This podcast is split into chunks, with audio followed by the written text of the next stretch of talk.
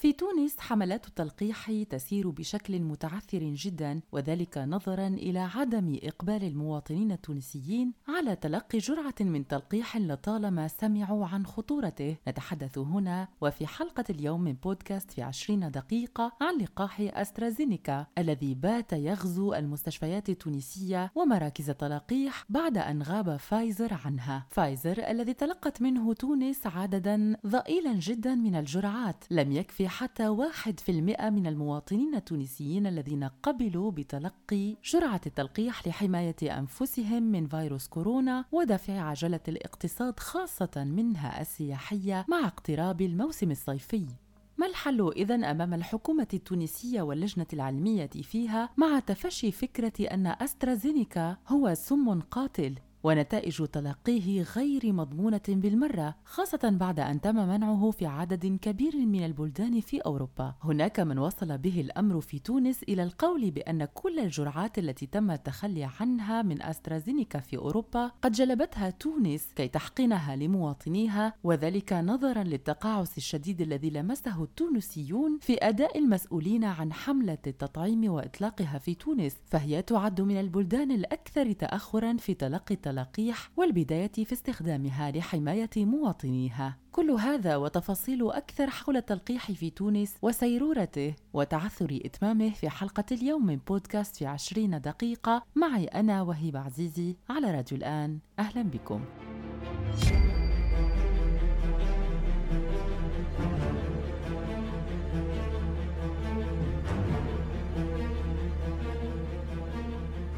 بعد إعلان تونس في فترة ما على انتصارها على فيروس كورونا بتسجيلها صفر حالات في مستشفياتها عادت موجة ثانية ثم بداية موجة ثالثة لتضرب تونس فأصبحت حالات الإصابات اليومية فيها تعد بالآلاف. أما الوفيات فقد كثرت هي الأخرى نظرا لضعف الإمكانيات وعدم قدرة المستشفيات المخصصة للغرض على الأداء الناجع الذي يخلص المرضى من براثن فيروس كورونا في تونس. ومع بداية الموجة الثالثة في تونس وفي ظل غياب إمكانية الحصول على لقاحات لفيروس كورونا لجأت الحكومة التونسية آنذاك إلى حلول أخرى بدلها وقتها بأنها حلول ناجعة يمكن أن تعوض هذا التقصير للحصول على جرعات من لقاحات فيروس كورونا المختلفة والمتاحة بالأسواق. فكانت الحكومة سباقة آنذاك لإقرار حجر شامل ومنع أي تنقلات بين الجهات والتقليل من ساعات العمل بالنسبة لموظفي القطاع العام في تونس بمعدل ثلاثة أيام في الأسبوع على أقصى تقدير. ولكن ذلك يبدو أنه لم يكن كافيا بل وتسبب كذلك في تعطيل عجلة الاقتصاد في تونس وخلق ركود واضح كانت آثاره سلبية جدا جدا على المواطنين في تونس. الحكومة التونسية كانت وما زالت تبني قراراتها وكل الإجراءات الوقائية ضد فيروس كورونا التي تتخذها بشكل سريع كانت تبنيها على أساس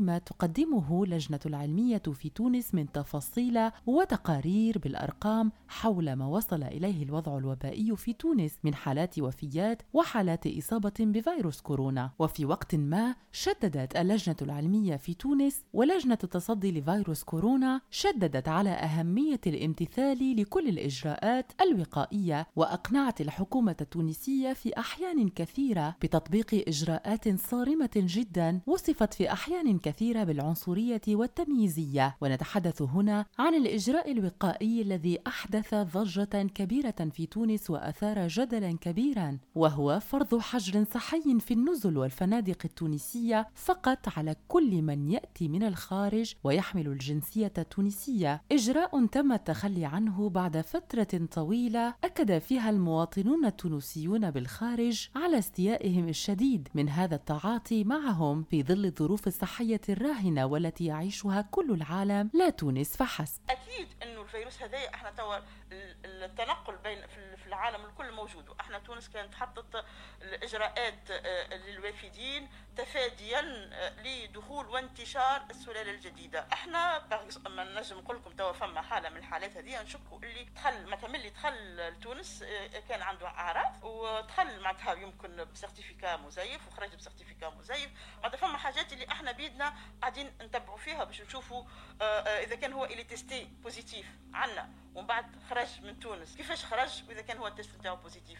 هذم حاجات اللي لازم نقف عليهم بالقدا آه، إحنا آه، آه، المهم إنك تحط إجراءات لكن الأهم إنك تطبقها الإجراءات هذه. والتطبيق الإجراءات مش دور وزارة الصحة وحدها. وزارة الصحة أكيد إنها هي عنصر مهم في الإجراءات الصحية لكن هي مهمة les partenaires الكل les acteurs الكل من الشخص اللي لازم يكون واعي بالخطر اللي يجب هو يسب متى في عائلته واقاربه وكذلك لبلاده من دور جميع القطاعات كل قطاع مسؤول بنفس مثل الأهمية في تطبيق الإجراءات إذا كان هو من دوره باش يحط des mesures يلزم يسهر على تطبيقهم. إذا هو المهم برشا مهم برشا يكونوا عندنا إجراءات باش نفرانيو إحنا نحبوا باقي نكملوا نفرانيو هالبروغريسيون لكن الأهم والأهم إن نلتزموا ونطبقوا بالإجراءات هذه. وهني ما نحبش نقول أنا مثلا التطبيق ما يمسش الفرد فقط. نحب نأكد وديما نقول التطبيق يمس الكل.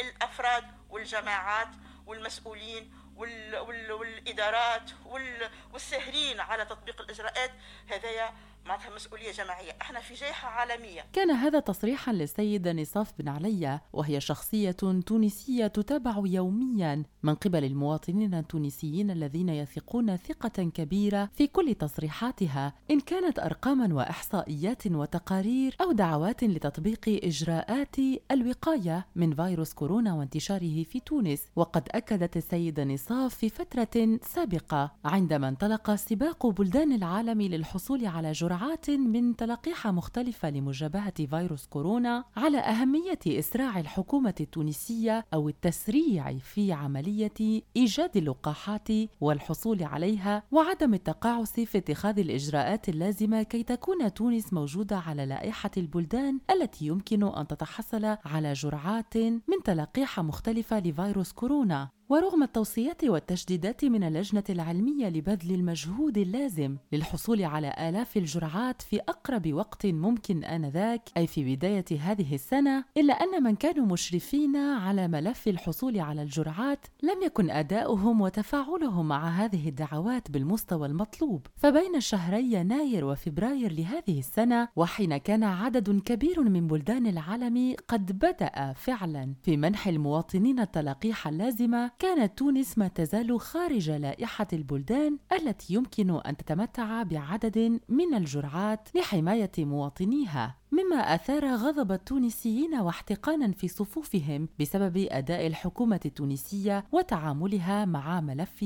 اللقاحات في تونس. أنا طبيبة تونسية نخدم في الخارج وقلبي على تونس وعلى عائلتي اللي تعيش في تونس. اليوم سمعت آه، المؤتمر الصحفي اللي عمله السيد آه، وزير الصحة في تونس الوزير قال اللي هو فما آه، موجة ثالثة ممكن تكون في شهر فيفري مارس يعني هما متأكدين اللي فما موجة ثالثة باش يموتوا فيها ربما آلاف الناس ولكن من ناحية أخرى الوزير زاد قال اللي تونس بالنسبة لتلقيح فيروس كورونا بالرغم إنه موجودين توا باش يبداو يسوقوا في آه على الأقل أربعة أو خمسة تلقيح جاهزة منها اللقاح الصيني زوز لقاحات أمريكيين واللقاح البريطاني واللقاح الروسي. بالرغم من هذا تونس باش يوصل لها اللقاح في شهر أفريل ماي أو ربما في شهر جوان. علاش زعما الحكاية هذه؟ يعني إحنا عارفين إن فما موجة ثالثة اللي باش يموتوا فيها آلاف من الفئات الضعيفة اللي إحنا نعرفوهم مليح ولكن الدولة التونسية ما هيش باش تجيب تلقيح قبل ستة شهور. هل هذا معقول؟ يعني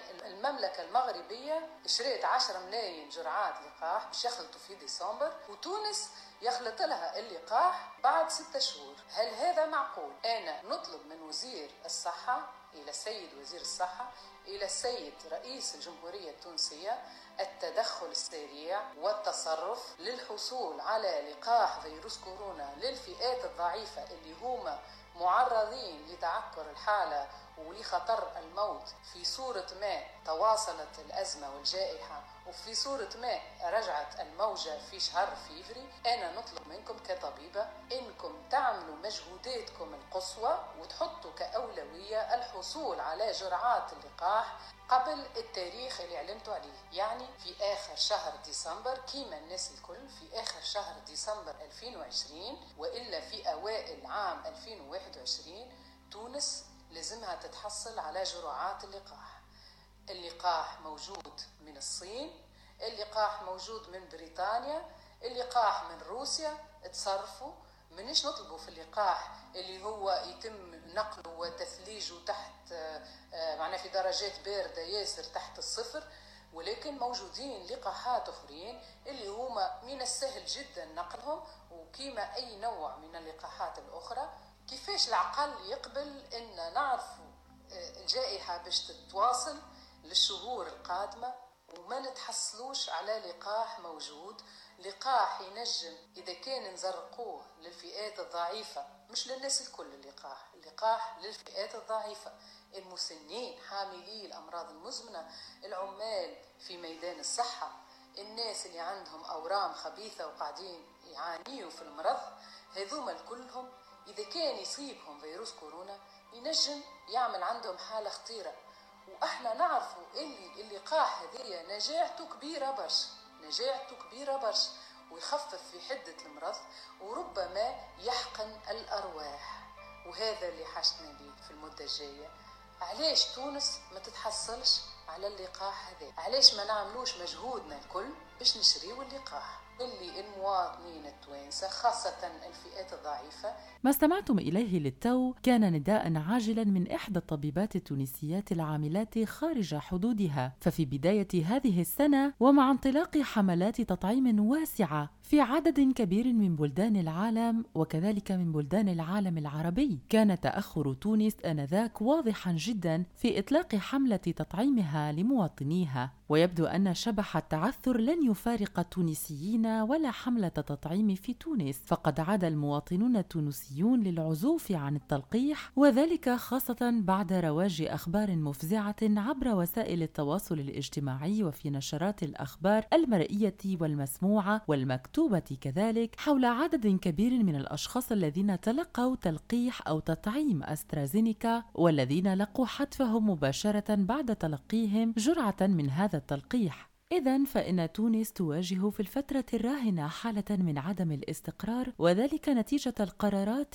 البطيئة المتعلقة بالإجراءات الصحية خاصة ذات الصلة بالتشجيع على قبول التطعيم. الشحنة الأولى من اللقاحات مختلفة المصادر كانت قد وصلت إلى البلاد التونسية بداية من شهر مارس آذار الماضي وتوزعت بالشكل التالي 30 ألف جرعة من لقاح سبوتنيك الروسي الدفعة الثانية كانت كانت عبارة عن 93600 جرعة من لقاح فايزر الأمريكي الألماني الذي انتهى تماما من تونس ويعوضه في الفترة الحالية لقاح أسترازينيكا والمتوفر الوحيد فيها. وكانت تونس كذلك قد تلقت في أواخر شهر مارس 200 ألف جرعة من لقاح سينوفاك الصيني عبر هبة مقدمة من بكين. وهدف وزارة الصحة التونسية كان أن يتلقى 4 ملايين ملايين مواطن تونسي مع نهاية العام الجاري تلقيحهم في انتظار تطور منظومة اللقاحات بالنسبة لسنة 22 و2000 ورغم أن الدولة التونسية قد خصصت موقعا إلكترونيا من أجل التسجيل لأخذ اللقاحات إلى جانب وضع شبكة رسائل قصيرة عبر الهواتف الذكية إلا أن ما تمت ملاحظته هو عزوف عدد كبير جدا من التونسيين عن التسجيل في هذه المنصة. نتيجة ما يروج على مواقع التواصل الاجتماعي من الآثار السلبية للقاح الذي تبقى متوفرا وهو لقاح أسترازينيكا كما قلنا. وهذه الآثار السلبية لا يوجد إلى حد هذه اللحظة أي تفسير علمي واضح جدا يمكن أن يقنع الناس بأن الإصابة بتخثر في الدماء ليست اعتباطية ولكن أسترازينيكا يسببها لفئة معينة من الناس. هناك دراسة وإحصائية أجريت في تونس بيّنت أن قرابة 41% من المواطنين قد أعربوا عن استعدادهم لتلقي اللقاح معظمهم من المسنين مقابل عزوف عدد كبير من الشباب عن الأمر. وأما في دراسة أخرى رسمية أجريت من قبل أعضاء وزارة الصحة المكلفين بالإحصائيات أكدت الدراسة رفض 59%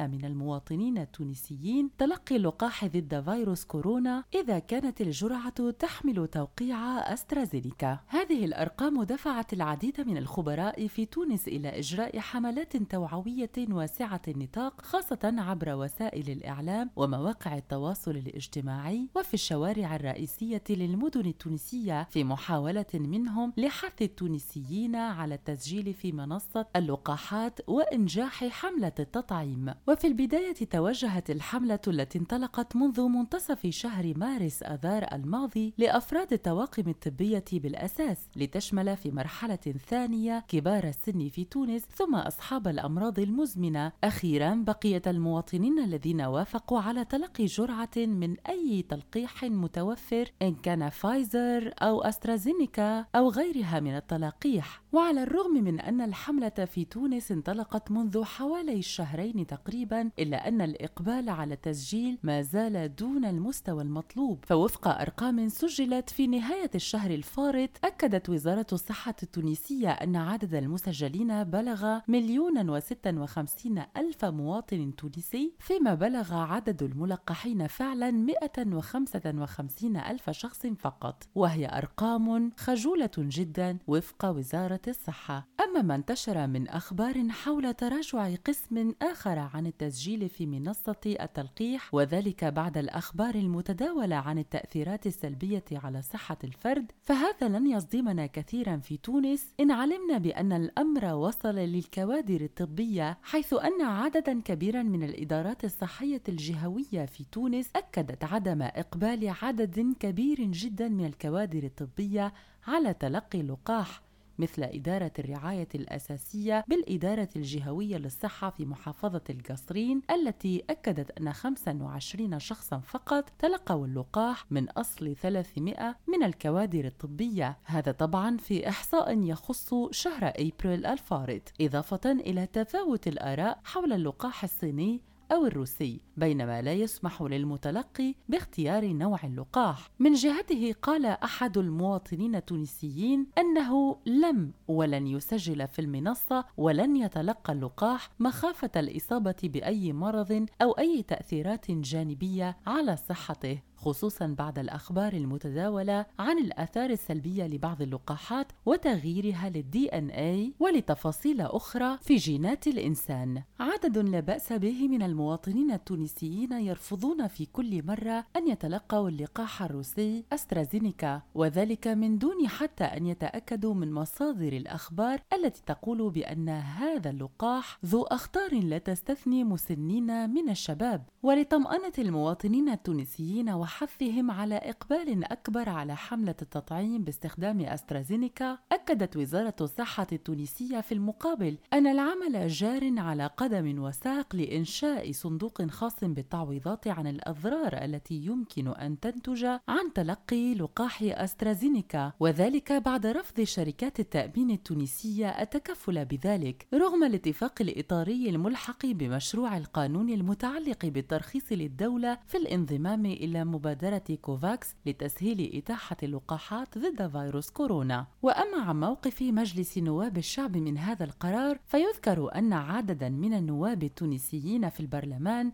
انتقدوا موافقة تونس على الالتزام بالتعويض عن الأضرار التي يمكن أن تحدث بعد تلقي جرعة من لقاح أسترازينيكا خاصة وأن الحكومة التونسية لم تعلن عن تفاصيل عملية تمويل صندوق التعويض أو كيفية صرف التعويضات عبر منح أموال كتعويض أو عبر التكفل بالعلاج المجاني في المستشفيات. في ظل هذه الظروف التي تعيشها تونس مع عدم تطور حملة التطعيم فيها إلى جانب ما حصل حصل مؤخرا من تفاعل بين السلالة الهندية والسلالة البريطانية لإحداث طفرة جديدة أكثر خطورة لفيروس كورونا. سيكون على الحكومة التونسية في الفترة القادمة إيجاد حلول ناجعة لجلب عدد كاف من لقاحات أخرى غير أسترازينيكا وذلك لدفع عملية التطعيم. فالخوف في تونس ليس فقط من التفاعل الجديد بين السلالة الهندية والسلالة البريطانية ولكن الخوف الأكبر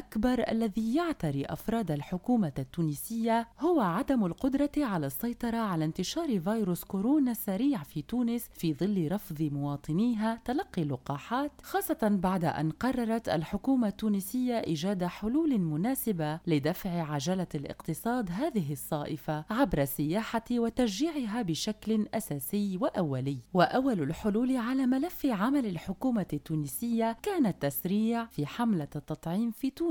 إذا برأيكم مستمعين هل هناك حلول أخرى بديلة لدفع عملية التطعيم في تونس؟ حتى تقدر الحكومة التونسية على دفع عجلة الاقتصاد من جديد أم أن الأمر يبدو مستحيلا؟ إذا لم يوافق التونسيون على تلقي جرعات التطعيم؟ اتركوا لنا تعليقكم وآراءكم أسفل حلقة اليوم من بودكاست في عشرين دقيقة على راديو الآن. شكرا لكم على المتابعة ونلتقي في حلقة قادمة. إلى اللقاء.